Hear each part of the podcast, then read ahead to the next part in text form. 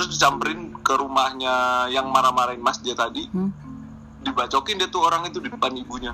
Astagfirullahaladzim. Uh, Ya uh. Allah. terus terus dia di diseret-seret sama istrinya kan. Diseret istrinya dibawa pulang. Ah besoknya. Besoknya tuh dia bangun kayak kayak diomelin istrinya kan.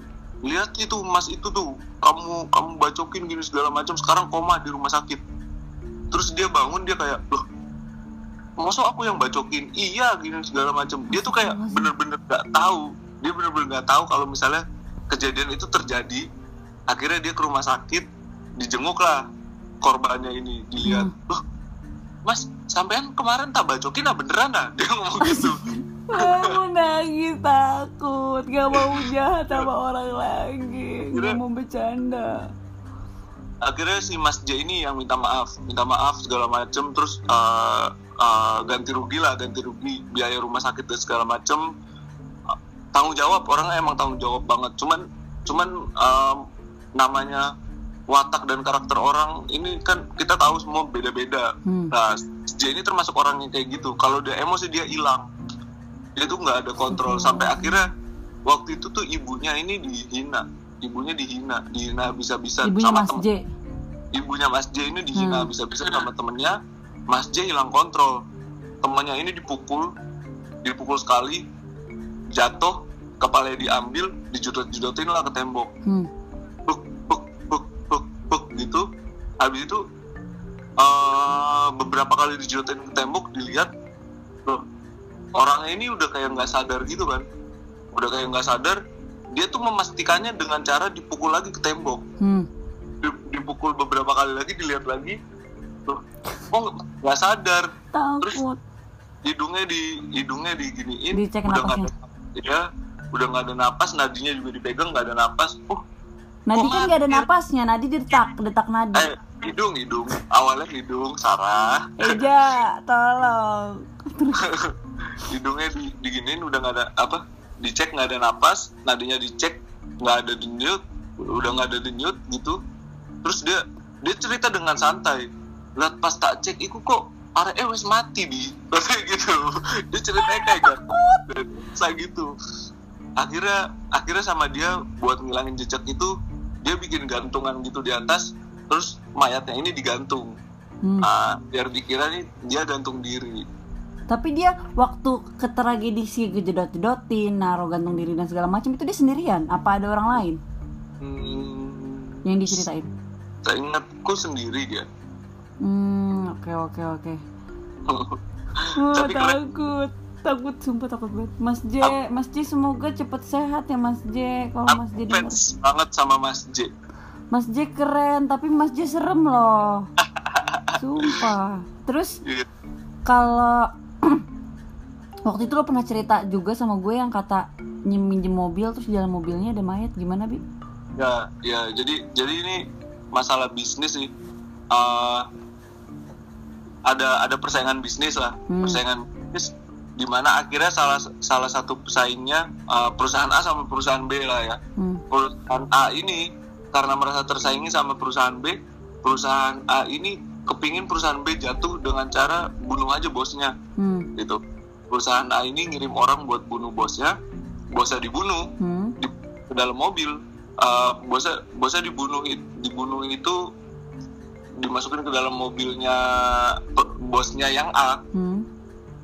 Habis itu uh, mayatnya ini nggak langsung dibuang tapi masih di dalam mobil terus ditaruh di rumah bos A ini Hmm. lah sampai sa- sampai satu ketika ini ada temennya si bos A ini minjem mobilnya Hmm.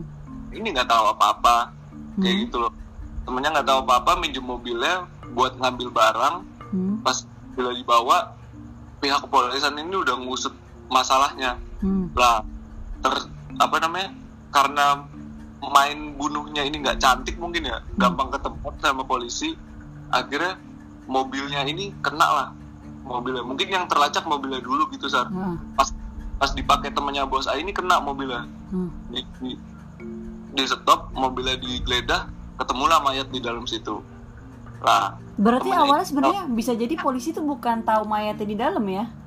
Iya, nggak belum bisa jadi belum nggak tahu. Cuman kan yang namanya yang namanya barang bukti kan harus digeledah kan? Barang uh, barang bukti. Harus dicek-cekin semua ya? Cek, cek dulu kan iya. Kayak kayak kasus kasus gua akhirnya yang di yang diperiksa apa? HP HP gue dibukain semuanya. Kan kayak gitu. Kan di situ gue nggak pernah chatan ya bi sama lu. Uh, kan kita belum temenan. Nah, kalau chattingan juga kita polisi nggak peduli. Oh iya sih benar. Benar juga. Iya. benar terus akhirnya eh, karena si temen bos A ini yang bawa mobil temen bos A juga dibawa. Nah, temennya yang bos A ini eh, kena tanpa dia tanpa dia tahu sebenarnya kalau misalnya di dalam mobil ini ada mayat apa segala macem. Tanpa dia tahu kalau bo- si bos A ini udah ngebunuh orang. Nah gue nggak tahu gimana interogasinya polisi terus uh, polisi ngeverbal sampai akhirnya bikin laporan tulisannya tuh kayak gimana nggak tahu. Tapi temennya si bos A ini kena SH seumur hidup. Kar- karena dia bawa mobil yang dalamnya cuma ada mayat. Dia kena tapi seumur hidup. Jadi Gila, kan itu bener-bener bener-bener gambar gambaran kalau misalnya hukum hukum ini masih abu-abu. Apalagi di maksudnya negara kayak masih kita. belum kasarannya masih bahkan masih belum tepat sasaran lah ya ibaratnya sasaran. Lah tapi bosnya juga kena iya untungnya tapi bos hukuman mati. Bosnya kena hukuman mati. Hukuman mati. Lu ketemu bosnya gak di situ? Ketemu. Demi apa lu? Jadi dia berteman nih ketemu ada di tempat yang sama? Ah, ah, yang yang temennya yang minjem ini s- setahu gue sih sama bosnya ini akhirnya mereka nggak nggak kayak yang berantem apa segala macem sih nggak nggak banget. Ah, kayak biasa aja gitu oh biasa aja tapi kenal.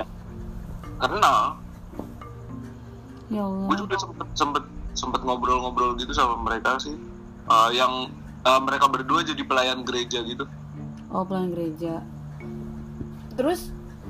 Habis itu eh, selama lu berarti di lapas berarti kan lu bener-bener ketemu banyak banget orang ya bi? Banyak karakter orang yang aduh gak, gak bisa lu temuin di luar lah. Berarti lu bener-bener kayak anjir nih tempat emang beneran isi tempat penjahat gitu kali bi ya? Mm-mm, mm-mm. tapi sejahat-jahatnya orang di dalam lapas itu lebih jahat orang di luar saat kenapa emang lu bisa bilang gitu? Soalnya orang di dalam penjara dia mau perampok dia mau pembunuh dia mau mau koruptor mereka pasti ngaku. Saya saya koruptor mas. Saya perampok mas. Ih, Saya pembunuh. Sedih. Iya di sini pada nggak ngaku. Coba lu di luar lu ketemu pembunuh. Masa dia mau ngomong saya pembunuh mas. Nggak bakal kan? Iya. Makanya orang di dalam lapas ini lebih baik mereka ini lebih jujur. Lebih lebih lebih jujur lebih baik lebih apa ya lebih peduli sama lingkungan timbang orang yang ada di luar lapas. Sampai kalau misalnya emang orang-orang di luar lapas ini bisa dengan mudah ngejudge orang di dalam lapas ini penjahat lu nggak ngelihat lu nggak ngeliat diri lu sendiri lu nggak ngeliat lingkungan sekitar lu. Lu nggak ngeliat kalau orang-orang ini nggak belum jujur sama sama orang di sekitarnya.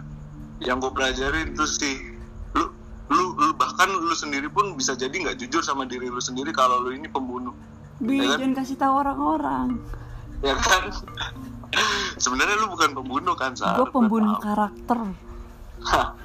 cuman lu kan ini kan Sar. Lu anggota Hamas lu ya? Hamas aja gue nggak tahu apa aduh googling nanti lu googling. Iya ntar gue cari tahu. Gue nggak tahu Hamas. Sama lu tanya Eja nih. Eja pinter. Jaja Hamas apa ja? Nggak tahu. Eja nggak mau ngeluarin suaranya. Anjing lo terus Iya. apa namanya? Nah terus selama nih selama lu di lapas rutinitas lu apa aja sih bi? Eh, rutinitas gua bangun jam berapa? Bangun biasanya gua jam setengah 8 pagi. Boleh jam bangun 8. siang nggak Hmm? boleh bangun bangun siang? siang pasti tetap bangun siang kalau hari minggu. Soalnya gue di dalam lapas ini kerja. Oh kerja apa bi? Admin pembebasan lah gua kayak uh, pelayan bebasan jadi orang-orang yang bebas ini kalau mau ngurus kan ada program pemerintah namanya pembebasan bersyarat. Hmm. lah misalnya mereka mau mau ngurus itu Hmm. mereka lewat gua. Jadi nanti gua gua yang gua yang koordinir berkasnya harus gimana harus gimana. Kalau terus bangun pagi terus habis itu apa bangun pagi gue biasanya bangun pagi terus Hmm. sarapan hmm? sarap uh, habis itu ngopi-ngopi dulu ngopi-ngopi cantik Hmm? terus habis itu mandi emang ada ngopinya ngopi kapal api dong pasti ya kapal api pasti ngopi kapal api enggak gue top kopi gue soalnya gue fansnya Iwan Fals Guys, gue udah tahu Hamas. Hamas ternyata artinya itu orang-orang yang ngirim serangan ke Israel. Hahaha, baru tahu. Yeay. Terus. Gue baru tahu sumpah. Hamas di chat. Terus setelah setelah itu, setelah itu Bi, Eh, setelah sarapan ngopi berangkat lah. Gue ke ke kan- kantor namanya kantor Bimpas. Bajunya pakai baju apa? bebas baju bebas. Oh, lu kayak anak-anak pada. Tapi udah pakai sendal belum? tapi sebenarnya ada ada anunya ada seragamnya kita. Ada seragamnya Tapi kenapa lu nggak pakai? kemeja gitu ya kan seragam kemejanya tuh gue cuman punya dua ya kan dalam seminggu hari nggak cuma dua hari saat Tapi Oh, tuh- oh nggak cuma dua hari, gue kira dua hari. Aduh, emang Iya. berapa sih? Ah. punya kalender nggak kalau makarnya kalender ya, terus terus apa namanya pas tetap pakai nggak pakai sendal oh ya lu mulai pakai sendal pas kapan bi Benar, pakai sendal pakainya pas kapan? Ya pas gue udah udah melewati semua proses di awal itu. Yang yang tadi gue cerita gue masuk pertama lapas sendal harus dibuka terus gue harus jalan berbaris nunduk. Hmm. dibotakin registrasi dan segala macem. Gue dipindahin ke blok 1 alias blok orang titipan. Itu gue udah boleh pakai sendal. Sendalnya Dan punya itu- siapa? Kan tadi suruh nggak disuruh dilepas.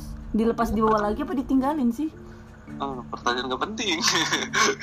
Tapi serius itu sendal sendalnya lu, lu bawa lu tenteng. Iya sendal sendalnya Eja lu jangan ketawa-tawa ya Ja gue beneran nanya sendalnya gue lepas terus gue bawa. Kan gue bawa tas gitu kan. Bawa tas isi isi isi baju baju ganti terus oh sabun bilang dong si lepas itu bukan ditinggal sar. Gitu gue kan nggak ngerti. Sorry sorry sir gue lupa kalau lu orangnya detail. Enggak bodoh, gue lebih ke bodoh. Terus selama lu menjalankan rutinitas nih di kehidupan perlapasan lu, menurut lu ada hal yang kayak anjir mem- sangat berkesan sekali gak sih bi selama lu rutinitas lu di lapas? banyak Apa tuh? kayak kayak pas di bebasan ya uh, kayak pas gue jadi admin bebasan ini ternyata uh, waktu waktu gue pertama nih se- sebisa mungkin gue gue bisa bebasin orang sebanyak banyaknya gitu maksudnya uh, gue nggak boleh gue nggak boleh uh, bikin orang nih susah buat bebas gue Hmm. ngerasa kayak gitu kayak semua orang nih punya hak yang sama untuk bebas Hmm. tapi kalau misalnya gue pikir lagi kalau misalnya gue lebih objektif lagi Hmm. ternyata nggak semua orang ini uh, harus gue bebasin dengan dengan porsi yang sama tahu nggak sih sir Gak soalnya ngerti, kan bebas sama. Iya cuman cuman ternyata ada orang yang yang emang pantas untuk bebas dan ada orang yang pantas em- emang pantas untuk masih tetap di dalam Contohnya Kayak- gimana klasifikasinya? contohnya kayak gini program pembebasan bersyarat ini nggak ditarik biaya sama sekali Hmm. alias uh, program ini gratis karena ini hak untuk seluruh seluruh warga binaan pemasyarakatan alias narapidana Hmm. tapi ada narapidana yang mau ngurus program pembebasan bersyarat ini yang bohongin keluarganya bohongin ibunya bohongin istrinya bilang kalau aku ditarik ditarik biaya ditarik biaya satu juta ditarik biaya 2 juta 5 juta Hmm. dan mereka itu minta duit kayak gitu cuman untuk uh, sorry itu saya untuk beli narkoba di dalam untuk nutup utang-utang narkobanya mereka Hmm. yang gue gue mikir dua kali buat buat bebasin orang-orang kayak gitu Kan lu nggak tahu tapi gimana cara lu tahu dia minta duit? keluarganya itu keluarganya kan pasti ketemu gue pas Oh. dia pas mereka mau bebas uh, pembebasan bersyarat ini kan nanti finalnya itu kita ada sidang ngadain Hmm. sidang Hmm. sidang pembebasan bersyarat Hmm. lapas ini kan gue ketemu keluarganya mereka Hmm. keluarga mereka pasti ngomong mas kemarin ditarik biaya segini itu untuk apa aja loh nggak ada nggak ada ditarik biaya segala macem bla bla bla bla bla bla Ih jujur, baik, bagus sama Abi. Orang-orang yang kayak gitu gue ngerasa orang-orang kayak gini nggak pantas nih untuk bebas nih kayak gitu Terus akhirnya masa bisa lu tarik jadi lagi? hmm? Masa lu tarik lagi berkasnya? nggak nggak nggak gue tarik lagi tapi gue batalin programnya Bukan tapi lu di malah lu dijahatin sama mereka kayak sialan nih Abi. enggak kan gue kan gue deket sama petugas Oh gitu. iya jadi gue ada backingannya Berarti ini lu di sini bergerak sebagai seobjektif mungkin ya Bi ya. ya dan dan yang paling yang paling berkesan dan yang paling gue bawa sampai sekarang itu adalah gue ini sebelum gue masuk penjara ini gue sering bohong gue termasuk orang yang bener-bener sering bohong sering sering ngomong nggak jujur sering uh, bahkan untuk urusan-urusan paling kecil. Kayak misalnya ke nyokap gue mungkin ya kita kita nih nggak pernah sadar kalau misalnya ini ini sebenarnya salah. Hmm. cuman kita ngelakuin gitu aja gitu karena males. Misalnya kayak ke nyokap males nanggepin nyokap gitu. Kayak ditanya kamu udah makan belum? Bilangnya udah padahal belum. Hmm. kalau kita ngomong kita ngomong belum biasanya kan nyokap ini kan kayak rewel. Kamu Hmm. nih gini segala macam makan makan sana Hmm. buruan cari makan gue tuh kayak hal sereceh itu pun gue gue bohong gitu Hmm. iya udah udah tadi udah gitu biar cepet aja ngobrol sama orang tua Iya. dan gue dan gue nih nggak nggak bukan tipikal orang bukan tipikal anak yang deket sama orang tua karena gue dari kecilnya udah ditinggal kerja sama orang tua gue Hmm. Ah, hikmahnya gue masuk ke lapas ini gue ini sebelumnya nggak pernah chattingan sama orang tua gue Hmm. setelah gue keluar dari lapas ini gue sampai sampai tadi sore pun gue chattingan sama nyokap gue akhirnya gue bisa sedekat itu sama orang tua. Sayang. terus yang kedua ini gue berusaha gimana caranya gue ngomong apa adanya aja gitu Sar nggak nggak perlu gue gue bohong-bohong kayak kayak tadi contoh kecil. Ditanya nyokap gue udah makan belum? Belum bu. Abi belum makan. Tadi gini gini gini gini. Akhirnya gue bisa cerita kan kenapa belum makan? Nah, akhirnya ternyata ngomong apa adanya walaupun walaupun berat walaupun menurut lu ini harusnya gue tutupin nih gue harusnya bohong aja nih kayak gini. Tapi coba lu ngomong jujur apa adanya tuh malah malah enak. Urusan ke depannya tuh lu malah malah nggak kayak nggak nggak ditutup gitu. Kayak lu mendapatkan ridho ilahi. Enggak enggak tapi tapi bener ini penting. Ngomong ngomong apa adanya gue nggak mau ngomong jujur ya karena jujur ini berat jujur ini berat banget tapi coba aja lu ngomong apa adanya aja nggak usah nggak usah lu lebih lebihin nggak usah lu kurang kurangin apa yang apa info yang lu dapet lu omongin apa adanya aja udah Berarti itu kan yang positif bi. Kalau yang di negatif, gue masih nggak percaya sih bi sebenarnya. Sebenarnya gue udah tahu. Cuman kan gue di sini harus pura-pura nggak tahu ya. Gue mau tahu dong bi, lu pernah nggak sih bi dihajar di dalam? Lu gak usah cerita kasusnya, kan gue udah bilang gak usah cerita kasusnya. Iya pernah pernah Pernah lu diapain bi di dalam? Eh gini deh, pertanyaannya eh, hal apa paling shit yang terjadi di dalam penjara? gue nggak perlu cerita kasusnya ya cuman gue pernah difitnah gue Oke. difitnah jualan gue di eh, gue difitnah jualan lah difitnah jualan Hmm. Itu narkoba. kasusnya kamu ceritain sayang namanya. ya kan nggak perlu nggak perlu cerita panjang lebar Oh iya iya. iya. Terus sampai akhirnya tuh gue dihajar sama petugas eh, sekitar 6 sampai 7 orang gue dihajar dan itu pertama kali gue juga ngerasain stun gun alias tester alias alat penyetrum dan jadi gue kayak disetrum gitu di leher sebelah kiri nah di leher sebelah kanan itu udah ada pantofel melayang ke kepala gue ah ditendang gitu gue dihajar sampai gue blackout sampai gue blackout akhirnya setelah gue blackout gue nggak kuat buat gue didudukin gitu didudukin nggak kuat gue dibopong dibotakin habis itu gue di sel tikus definisi sel tikus tuh kayak gimana sih bi? Biasanya di sel apa dan sekarang sel tikus kayak apa? kalau sel biasa ini eh, dia bentuknya bentuk selnya ini kamar biasa gitu maksudnya nggak sempit lebar terus sel biasa ini biasanya dia dia ada dipan ada dipan panjang gitu untuk kita untuk kita naruh kalau misalnya di dalam kan ada jualan kasur kan Hmm. nah, kalau kita beli kasur gitu jadi kita tidurnya di atas atas Oh di gitu. dalam lapas tuh ada yang jualan juga. ada ada jual kasur Ada sardo sardo. ada Ada kayak sardo swalayan gitu. Indomaret. tapi nggak selengkap sardo ya nggak Iya jual iya dong. Gue ke sana dong daripada ke sardo. Eh, jadi lu mau belanja di lapas Sar? Iya gue mau belanja di lapas.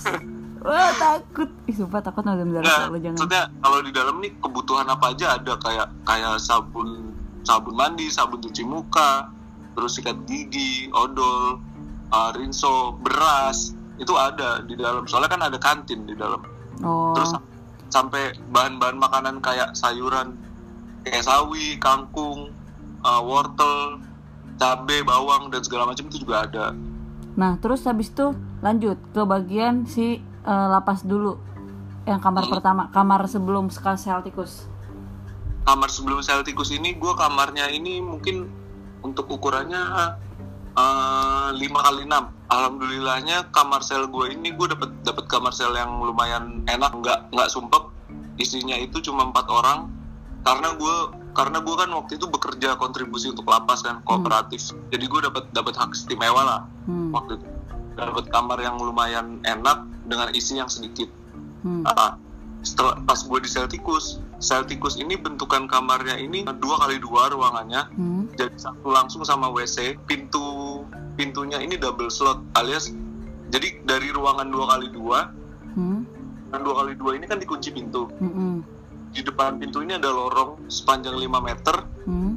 di, di setelah lorong ini penghabisannya lorong ini pintu lagi dikunci lagi itu Hmm. namanya double slot nah kita ma- kalau misalnya ada yang ngirim makanan atau apa segala macem itu dikirimnya lewat tali pakai katrol gitu jadi eh, dari pintu pintu ruangan sel gua yang dua kali dua hmm. ke pintu penghabisan lorong ini ada tali gitu Oke. tali banyak katrol jadi nanti makanannya diikat di tali terus kita tarik Kayak gitu. Makanan ditaruh di apa, Bi?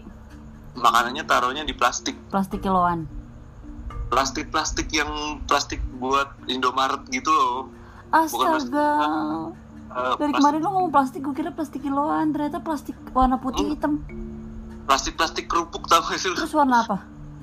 ya ya macem-macem warna hitam warna putih tulisan Alfamart Astagfirullahaladzim, Plastik demi apa lo?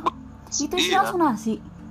dalamnya langsung dikasih nasi sayur sama lauknya Allahu Akbar, astagfirullahaladzim. jadi kayak ngasih makan batang tuh. Tapi nasinya tetap lebih enak daripada di polsek. tetap lebih enak daripada di polsek tetap karena itu cuman eh, lu bayangin aja sekarang orang masak buat 3000 orang eh, tiga kali dalam sehari Ah, yang pasti kan mereka kan masak ya asal eh, bukan asal jadi. Yang ya penting mateng lah ya, rasa mah. yang penting jadi matang iya.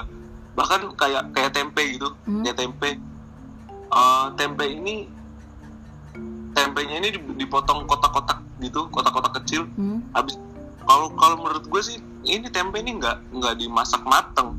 Tapi kayak ada air panas eh, air yang udah dibumbuin kaldu gitu panas tempenya ini dicelupin. Terus dicelupin udah diangkat langsung ditaruh kayak gitu bukan bukan tempe mateng jadi akhirnya tempe yang dicelupin kaldu lah gitu lah Airnya minum minumnya pakai apa minumnya? minumnya air mentah dari selang Yang di kamar mandi itu yang ya yang di sel tikus kalau sebelumnya yang di sel biasa itu gue beli ya? aqua galon Oh beli gue galon. Mm. Terus apa namanya? Hmm, selama lu berat waktu yang pertama lu dihajar tuh lu biru-biru parah.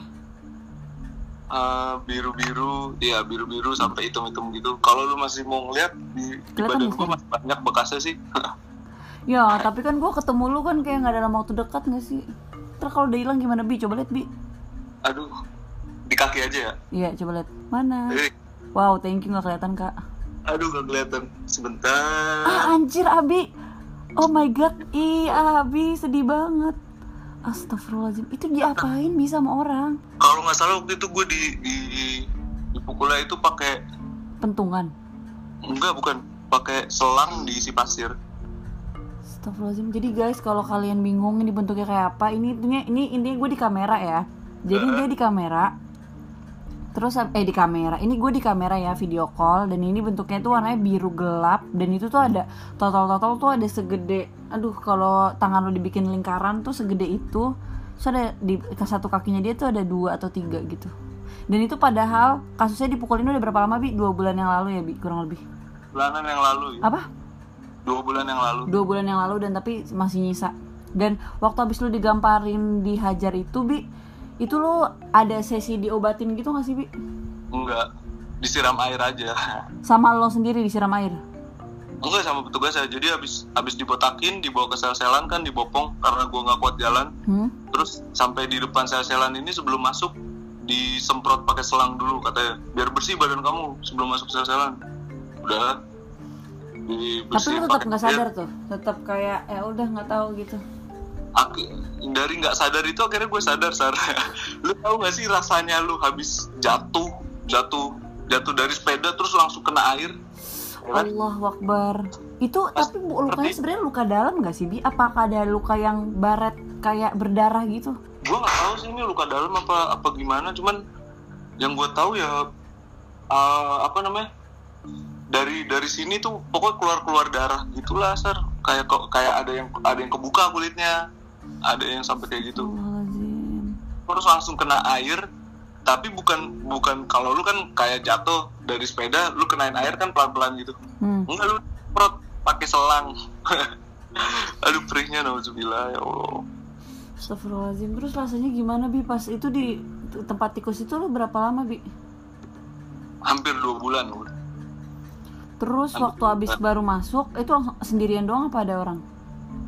Gue sendiri sih di awal sendiri dan sel-selan sel tikusnya itu habis ada yang bunuh diri waktu itu Sebul sekitar 3-4 bulanan sebelum gue masuk situ Hmm? itu yang bunuh diri di situ terus talinya masih ada masih buat kak hai Dia Mendra. Terus habis itu apa namanya?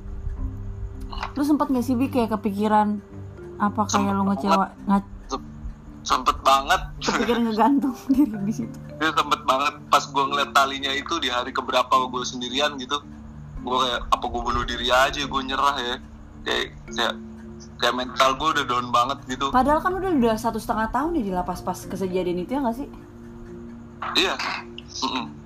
cuman kan saat lu di sel sendirian terisolasi jauh dari apa pun nggak ada temen ngobrol pikiran lu tuh ke mana-mana kan?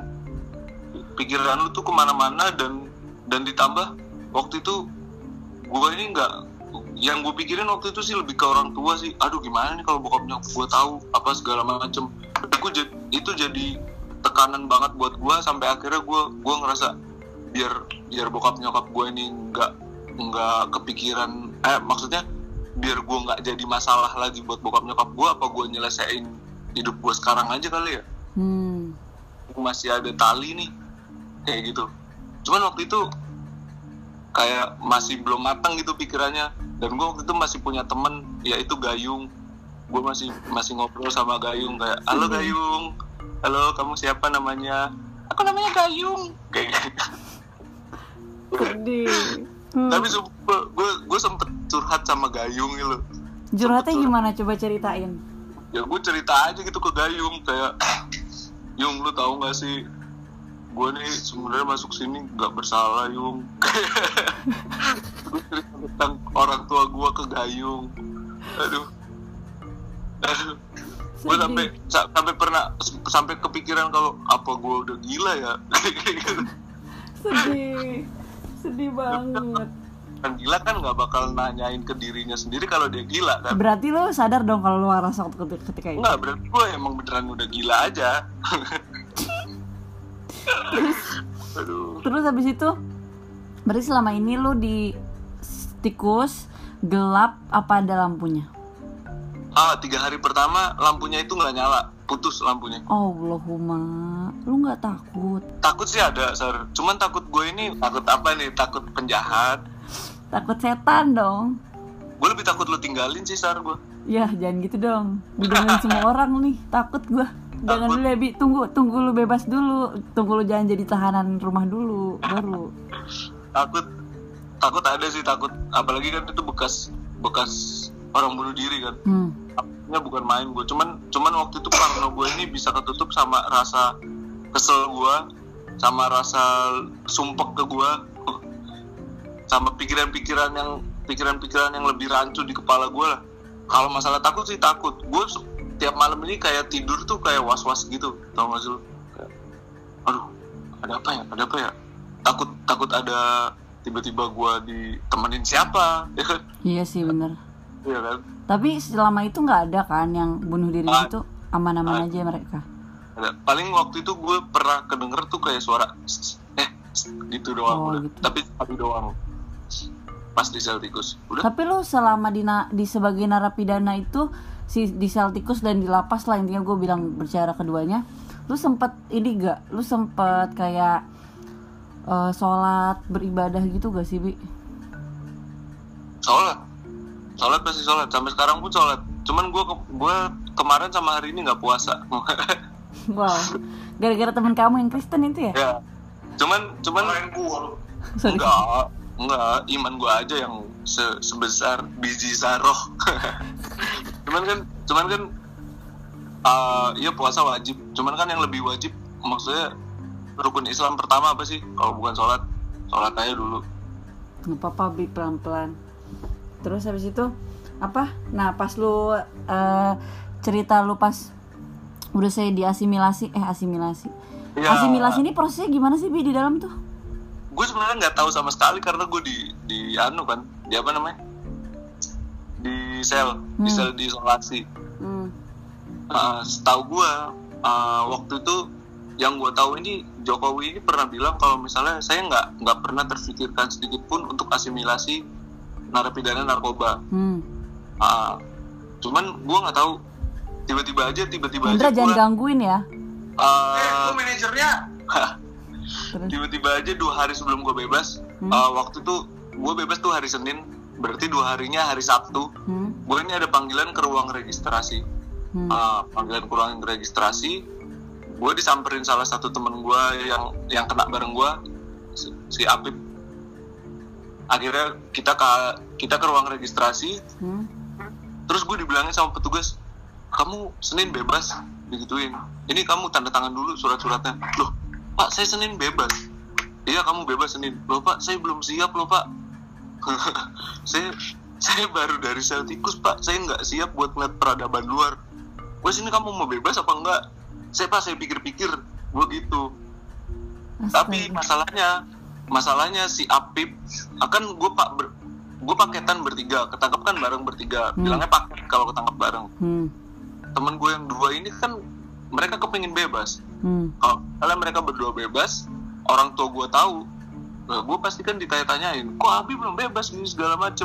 Sedangkan sedangkan oke lah gue waktu itu nggak berpikir jernih nggak nggak berpikir gue harus bebas. Mau nggak mau kan gue nanti bebas gitu kan. Hmm. cuman yang gue kepikiran ini gue gak siap. Gue ini di sel tikus habis diisolasi gue bener-bener gue keluar dari sel-selan aja tuh harus dirayu dulu sama orang-orang. Wes enggak wes aku di sini aja. Gue sampai kayak gitu tau kenapa emangnya nggak tahu kenapa gue kayak takut gitu keluar. Kayak takut banget. Apalagi dipanggil dipanggil petugas ke ruang registrasi gue takutnya gue ada masalah lagi kan. Takutnya takutnya tiba-tiba gue kayak masalah. trauma gitu ya bi ya jadinya bi? Iya, gue sampai hari Senin gue keluar dari dari lapas ngelewatin pintu besar, pintu besar ini pintu utamanya lapas. Gue tuh puter balik sar, gue minta masuk lagi ke petugasnya. Pak aku nggak siap pak, aku masuk mana ya pak, gitu. aduh aneh Aduh. banget sih lu kenapa sebenarnya kenapa apa yang lu takutin dengan di luar Bukan, karena gue gue nyaman di dalam lapas, bukan karena gue lebih senang di dalam timbang di luar ya. hmm. bukan karena gue ini eh, hidup gue enak di lapas akhirnya gue nggak mau keluar. Tapi karena emang bener-bener gue nggak siap gue ini habis diisolasi gue nggak pernah ngeliat manusia ketemu manusia sama sekali yang lain. Eh gue ngobrolnya sama Gayung. Sedih Terus- tiba-tiba gue tiba-tiba gue disuruh keluar tapi bukan keluar dari lapas lingkungan gue yang sebelumnya. Tapi gue keluar ke lingkungan yang lebih besar lagi. Bukan lingkungan yang ditutup tembok tapi lingkungan yang ada bebas. tembok iya yang nggak ada tembok. Gue bener-bener takut gue hari itu hari gue bebas tuh gue bener-bener takut. Sampai jujur ya gue gue pas bebas itu gue nangis Sar. karena? Nangis itu bukan, bukan karena terharu tapi gue takut. Sampai minta lagi ke petugas pak masukin aku lagi ya pak. Wes aku masuk lagi gitu. Tapi waktu itu ada salah satu temen gue yang ternyata dijemput nih.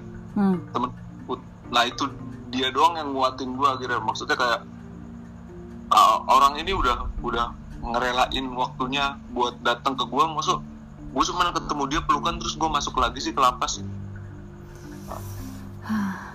Tapi gue gue sempat ngomong gini ke petugas pak aku pulang hari ini tapi besok kalau aku mau masuk lagi iso apa terus kata dia apa? Digituin gue apa? Kon kon gendeng abi di enak di luar. Wes wes mulai wes wes digituin gua. Ya ya udah gua balik balik itu dengan dengan dengan muka gua yang kayak trauma gitu tau gak sih? Muka muka yang kayak orang suku pedalaman keluar ke ke dunia nyata tau gak? Kayak tro- mu- kayak gue berusaha mencerna semua ke, sem- apa mencerna kehidupan di luar lapas ini dengan kepala gue yang rancu kepala gue yang abu-abu udah. Gue nggak tahu harus mau apa gue keluar ini mau tujuan gue ke mana? Dan keluarga gue kan nggak ada di Malang kan Sar gue nih kayak gue mau ke mana? Gue harus apa? Terus nanti gue gimana makan nih gue ngubungin orang tua gue gimana? Gue nggak ada komunikasi ya kan? Ya udah gue kayak ngikut aja temen gue nih bawa gue ke mana terserah. Angin bawa gue ke mana nih terserah udah. Hmm, gue sampai ditanyain orang tanyain orang kayak apa-apa tuh gue kayak nggak tahu menyautin apa ya, ah iya iya iya udah iya Dah di hari pertama gue keluar gue Hmm. tuh dibawa ke, ke bekas kedai kopi yang dulu gue kerja di situ Si yang ini Langsung. kan? Iya, gue tahu Ah. gue tahu. Yang gue yang kemarin gue bilang Ferdi kan? iya Hmm, ya oke, kedai terus. kopinya punya Om Ferdi. Nah, terus gue di kedai kopi, gue diem. Gue masih berusaha ngecerna, ngecerna kebebasan gue di otak gue. Hmm. Kayak akhirnya ada salah satu orang, gue ngeliat ada salah satu orang nih datang ke dalam kedai kopi mau mesen dengan gaya, gayanya dia yang yang selengean yang nggak pernah gue lihat di dalam lapas. Hmm. Gue lost kontrol aja gitu, sar. Secara nggak sadar, gue tuh nabrak dia kayak eh lu biasa aja dong gak ya lu nggak usah kayak gitu lu sengak banget sih gue gitu gue lost kontrol bener-bener lost kontrol keping kayak kayak gelap aja kepingin gue pukul tuh orang. Nah Kayaknya gitu deh, Bi. Kalau lo ngeliat lu jangan lu pukul gua nanti ya. nggak. Terus Terus? eh, setelah setelah gue setelah gue maki-maki nih orang gue langsung kesadar sendiri. Wih kok bisa sih gue lost kontrol gini sih? Ini bukan gue nih bukan gue banget nih. Gue nggak gini orangnya. Gue ngeliatin dia terus gue bilang eh sorry sorry mas sorry mas gue langsung gue langsung keluar dari kedai kopi. Langsung kayak wih bener kan gue nggak siap nih gue bebas nih. Gue masih harus di kayak masih harus di dalam gitu akhirnya. Lingkungan lo masih penjahat ya, rasa-rasanya ya. iya iya enggak Sar. Semua semua orang di dalam tuh ngomong gini ya soalnya Sar. Kamu di dalam lapas ya kalau kamu kena pidana 8 bulan 9 bulan 10 bulan kamu cuma jalani bulanan terus kamu keluar karakter kamu ini nggak bakal berubah tetap kayak gitu. Tapi kalau kamu tahunan dalam setahun aja kamu di luar tuh ngelihat orang tuh kayak kecil. Maksudnya rasa takut gue ke orang tuh udah bener-bener nggak ada. Dan ini dan dan itu perasaan yang sampai sampai hari ini tuh gue ngerasain sar gue tuh ngeliat orang tuh udah nggak ada takutnya sar buat buat mukul orang buat nganiaya orang Gak buat boleh ya, nggak boleh gitu ya, Abi. Nah, itu itu tinggal kontrol diri aja sih Pelan-pelan ya. Abi ntar jangan nggak boleh tiba-tiba ambil celurit, nggak boleh. enggak enggak, enggak. cuman mukul mukul mukul kepala ke tembok kan nggak apa-apa kan Eh jangan, ntar kepala gua lagi bocor, aduh. Terus pas lu dibawa sama si Ferdi itu ke, ini lu dibawa sama siapa sih si kedai ke kedai ini? Ram, sama Ramba Gua nggak kenal Hendra. nggak kenal eh jangan ngobrol sama gue gue manajer Eh sorry man, sorry man. Terus si teman lu ini yang bawa lu gimana pas tahu tiba-tiba lu kok nih kenapa nih orang gitu? ah temen gue yang bawa gue nggak nggak ada di situ kok waktu itu. Dia dia lagi keluar gitu kan. Terus gue duduk tuh duduk tuh bener-bener sendirian. Sendirian sambil bengong gitu. Di depan nggak sendirian juga sih di depan gue kan tempat duduknya eh, kotak persegi gitu. Terus tempat duduknya ada padapan gitu kan. Ah. ada meja nah, ya kedai kopi pada umumnya Aku udah pernah ke sana loh, Rek. Aku udah Iya, pernah, tahu. Rek, ke sana. tahu kan ar, ar kopi itu kayak gimana Hmm, terus terus yang duduk di depan gua ini orang-orang yang gua nggak kenal orang baru lah orang baru di situ gua kan uh, Lu kan jalan-jalan pesantren. keliling ya kan hampir 2 tahun sar Iya Gua sih udah- bener. banyak orang yang ganti kan pas gua ke Sampai lu kemarin jalan-jalan di Malang nggak tahu ya kalau tuh jalan udah jadi satu arah ya gue lihat-lihat ya Iya, kita video call iya, ya. Lu tahu sendiri kan Sumpah kalau sampai detik itu lu ditangkap polisi, gue ngakak detik itu juga. Pak, saya tahu Pak, teman saya udah lama nggak ada ketemu di daerah Pak. aduh gua Iya, betul. jujur ya kalau gua ditangkap polisi lagi polisi gua pukulin sar Astagfirullahaladzim. saya udah pernah gitu. Apa? saya udah pernah gue gak gak gak gak gak. Terus terus. kayak temen eh, kayak orang yang di depan gue ini yang yang merhatiin gue maksudnya kan gue bengong sambil makan roti. Tapi gue bengong. Hmm. bengong sambil makan roti sampai akhirnya gue ngeliat orang yang selengean ini langsung gue tabrak gitu. Orang yang di depan dua orang ini kan mereka nggak tahu gue siapa. Hmm. nggak kenal gue siapa. Pertama kali ngeliat gue kayak ngeliatin gue kayak aneh gitu kayak heran. "Ih, apa ini orang nih? Kayak gitu nih. Aneh banget. Ah, Sar rambutnya kelihatan. Eh, thank you. Terus, ih soleh banget guys. Terus, terus ya ya akhirnya ya, gua, pas udah, gua kayak, udahan. kayak nggak lama gitu sih Sar kayak kayak cuman beberapa menit eh beberapa detik doang gue kayak ngomelin orang yang selengean akhirnya gue sadar gue minta maaf terus orang-orang yang depan gue ini nunduk gitu sambil main HP pas gue sadar kalau mereka merhatiin gue gitu gue ngeliat mereka dia nunduk gitu lu main aja langsung handphone ya. Eh, lu ngapain gitu ya? Ah, gak lah gak lah Berarti kalau misalnya dibilang ehm, pelajaran apa yang paling besar yang lu alami di sepanjang kejadian lu itu, Bi? pelajaran paling paling gedenya ya tadi Sar. Eh, mau mau gimana pun posisi lu kondisi lu mau gimana pun lu sebelumnya. Kalau eh, kalau emang lu bisa berubah untuk bisa yang yang paling gua aja gue pelajarin ini untuk ngomong jujur apa adanya kenapa enggak kenapa gua nggak mulai pas di, dari lapas? Tuh eh, lingkungan di lapas ini ternyata orang-orang ini juga ngomong apa adanya kan kayak yang tadi gue bilang. Kalau kalau mereka perampok mereka nggak nggak sungkan buat ngomong saya perampok mas. Kalau misalnya mereka pembunuh pun mereka nggak nggak nutupin kalau mereka pembunuh kan. Hmm. nah itu itu kan pelajaran kecil. Kalau misalnya eh, ternyata orang-orang ini ngomong jujur apa adanya dan orang-orang di sekitar ini malah respect terus pelajaran kedua ini adalah cara bertahan hidup di dalam di dalam penjara ini kan susah Sar Hmm. apa segala macam bahkan orang ini lu lu pernah nggak sih kepikiran bikin cincin dari dari tisu Nggak pernah. dari tisu ini bisa jadi cincin yang bisa lu custom kayak lu tulis tulis apa segala macam jadinya keren dari tisu sama amplas Itu sama ada. lem. Iya gue sampai bikin itu buat buat buat gue bisa bisa makan bisa ngerokok bisa beli kopi Kenapa pakai itu? apa Kenapa pakai bikin kayak gitu buat bisa makan dan segala macam? gue jual cincin Oh gue iya. jual iya gue jual ke orang yang yang orang-orang mungkin uh, mereka mau ngasih cindera mata ke keluarganya gitu kan pas kunjungan ya aku punya cincin nih bawa nih cincin gitu Ih, Gua sayang jual banget. gitu Keren. Gue mau dong bikinin. Oke Pas gue ketemu lo ke- ya. Apa?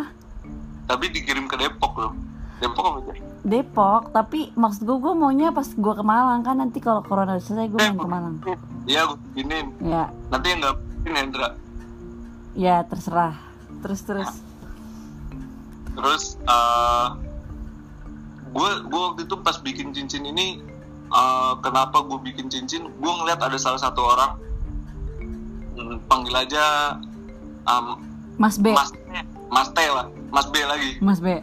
ya panggil lah Mas B Mas B ini dia bertahan bertahan hidup ini dengan menjadi tukang cuci piring di kamarnya jadi orang-orang habis makan ini kan uh, piring-piringnya ini biasanya kan kita nyuci-nyuci sendiri Hmm. Mas B ini ngomong gini aku aku mau nyuciin piring kalian semua tapi dalam seminggu dalam seminggu ini eh dalam sehari ini oh enggak dalam seminggu ini satu satu orang di kamar itu tuh iuran 2000 jadi kam- kamar itu isinya waktu itu 40 orang Hmm. 40 iuran 2000 Hmm. untuk kasih ke Mas B Hmm. da- Mas B untuk dia nyuciin piring Jadi di sebenarnya untuk nyari duit lo bisa ngakalin banyak hal ya. Bisa bisa banget. Dan dan yang yang gua yang gua pelajarin itu bukan ngakalin banyak hal buat nyari uang. Tapi lu usaha sekecil apa pun itu lu lu bisa dapet dapet sesuatu akhirnya. Pokoknya lu mau mau berusaha aja. Lu mau gerak nggak perlu nggak perlu nggak perlu punya pemikiran yang besar atau apa segala macam. Cuman pemikiran besar kan penting biar kita bisa sukses kan. Hmm. Kalau emang kalau lu dari awal nggak gerak dari sesuatu yang kecil lu nggak bakal bisa jadi apa-apa gitu. Nggak bakal lu punya pendapatan punya penghasilan punya punya sesuatu yang akhirnya bermanfaat buat orang lain. Kayak Mas B ini kan idenya kecil sebenarnya. Hmm. kalian kalian dalam satu orang dalam seminggu iuran 2000 Hmm. nah, ya kan? Nanti hasil iurannya itu buat bayar aku. Hmm. lah setiap hari piring-piring kalian aku cuciin bayangin. Gue kalau di luar nggak mau kayak gitu. Iya sih dua Bi. ribu uang loh. Ya kan? Bener. Cuman uh, ngomong nominal ya. Uang 2000 sekecil itu gue dulu ya 2000 ini gue nggak mikir saat 5000 pun gue nggak mikir. Hilang hilang atau apa segala macam lima gue geletakin aja udah. Hmm. kalau sekarang gue kayak itu mungkin bu- bukan bukan masalah materi materi bukan masalah material atau apa segala macam cuman ya gue harusnya kan menghor apa ngehargain. Karena gue belum bisa nyari duit sendiri waktu waktu sebelum gue masuk lapas. Gue Hmm. mikir bisa sampai sejauh itu. Ini ke- kejauhan nggak? Enggak sampai nggak nyampe nyampe. Nah terus habis itu hmm, selain itu selain itu apa lagi bi? Selain hal itu. Waktu itu lo pernah bilang kan sama gue jadi nanti biar lo callback sih gue pengen banget juga orang-orang denger. Jadi waktu itu tuh Abi pernah bilang dunia nih jadi nih gue apa-apa kan kayak kesian ya sama orang kayak sedihan gitu loh gue tipikalnya teman-teman. Terus suatu saat gue lagi teleponan nih sama Abi terus tiba-tiba tercetus lah kata-kata dari Abi dunia tuh nggak sebaik apa yang lo pikir sar. Nah kenapa? Nah itu gimana tuh bi? Ya itu dari dari pengalaman gue yang pas di sel sih maksudnya lu melakukan hal baik ke orang ya, contoh nyatanya itu pas pas gue ngerasain di dalam itu nggak semua niat niat baik gue gue punya niat baik ke orang. Hmm. tapi orang orang ini belum tentu dia nerima nerima apa niat gue ini sebaik sebaik apa yang mau gue lakuin ke mereka. Hmm, belum tentu apa yang apa yang gue mau lakuin ke mereka ini yang mereka butuhkan gitu. Hmm, jadi jadi nggak bisa semua orang ini lu lu tabrak sesuai subjektivitas lu. Yang pertama. Terus yang kedua orang sebaik apa pun ke lu mereka ini juga punya kesempatan untuk jahat sama lu orang punya kesempatan untuk berbuat baik punya kesempatan untuk berbuat jahat ya kan? Hmm, hmm. orang apa uh, orang punya kesempatan untuk ngasih warna putih. Mereka bisa eh, mereka juga punya kesempatan ngasih warna hitam. Ah, jangan sampai orang yang berbuat baik sama lu yang emang bener-bener berbuat baik sama lu kecuali keluarga ya. Hmm. kecuali keluarga. Lu tanggapi dengan dengan bener-bener terbuka banget Car Bener- dengan bener-bener eh, lu ini lu ini bener-bener ngasih apa aja ke dia akhirnya. Karena dengan kayak gitu lu lu dengan mudahnya lu lu kalah. Lu dengan mudahnya lu dimanfaatin orang apalagi di kota kayak Jakarta kayak lu sekarang Jabodetabek gitulah. Itu banyak orang yang lu anggap baik ternyata kayak kayak kayak, kayak kasus kasus kasus eh, gua ngasih contoh kasus nih kayak lu mau gua di pinggir jalan ada orang di Jakarta mau ini ini anu lama ya apa namanya? Acara lama acara lama penjahat. Hmm. mogok di pinggir jalan ada orang nyamperin lu nawarin bantuan lu dibantuin tapi lu da, tapi lu juga ditodong akhirnya. Diminta Iya. HP lah apa Jangan, motor jangan. lu dibawa kabur. Ya gue pernah ng- ngalamin itu pas SMP motor gue dibawa kabur sama orang. Oh iya. Iya. Nah lu keberapa? Sarah lu terlalu baik untuk dunia yang buruk. Enggak bi. Gue dapet orang yang baik selama ini. Bahkan bisa jadi gue jahat sama ya? Ya bisa Dengan- sih. dengan keterangan gue yang awal tadi gue punya niat baik ke lu ternyata ternyata hasil yang hasil yang gue lakuin ternyata buruk buat lu. Ya kan? Ya Bisa iya jadi. sih. Ya tapi semoga teman-teman yang dengerin jangan jahatin aku juga. Iya sih, gue tapi gue kayak emang mikir maksudnya so far sih emang gue berpikir orang sebaik itu ya orang jahat tuh bahkan sesimpel kayak waktu gue pernah bilang sama lo yang gue kesusahan nih untuk parkir motor gue ngeluarin motor gue ngangkat-ngangkat orang nggak ada yang mau bantuin gue. Dan itu terjadi di Jakarta terus dan sedangkan di situ banyak orang tapi orang nggak ada yang bantuin gue. Terus gue kayak Apa sedih bi kayak gitu doang kayak orang kok nggak mau bantuin gue orang jahat ya gitu. Tapi ternyata lo kayak lebih Semoga pas denger cerita lo kayak astaga kadar jahat gue kayak cemen banget kayak gitu jahat gitu. nah ini juga sa- satu hal yang yang kalau emang lu ngejudge orang penjara ini jahat-jahat lu, lu bener-bener salah. Dari cerita lu ya uh, orang uh, lu mau ngeluarin motor banyak orang di sekitar lu tapi nggak ada yang bantuin lu. Soalnya orang di sekitar lu ini pasti berpikir keuntungan buat buat gue bantuin lu apa? Iya ya nggak sih sedangkan sih. orang di dalam penjara kayak cerita gue di awal tadi Om Agus. Hmm. Om Agus ini gue masuk langsung ngasih rokok ngasih makan apa segala macem tanpa dia mikir keuntungan buat gue apa. Karena karena dia mikirnya gue nggak perlu nggak perlu dapat dapat balasan dari lu sekarang. Ini, ini namanya sistem tanam tadi. Gue nanam apa gue bakal metik apa. Ampun Pak Tani. Ampun Pak Tani ampun jangan Pak Tani jauhilah dunia pertanian. Jangan salah menanam guys. Lu sebenarnya menanam karena lu nggak tahu kan itu itu apa. Iya gue nggak tahu gue iya tahu gue gua. kok. dibilang "Ah, itu bibit cabe waktu itu. Cabe nih ya udah. Thank you thank you ya Bi atas cerita lo dan atas segala jujuran lo um, jadi intinya guys sebenarnya di sini gue menyeritain bukan kalian harus mencoba penjara bukan. Kalian harus melakukan tindakan kriminal narkoba apa pun enggak. Tapi gue pengen sebenarnya di sini lo semua juga tahu kalau misalnya penjara tuh nggak pertama nggak seburuk kayak sini kayak yang orang lihat. Terus abis itu tapi penjara juga nggak sebaik apa yang lo pikirin juga karena Abi hmm, konteksnya di sini lo pernah merasakan keduanya ya Bi?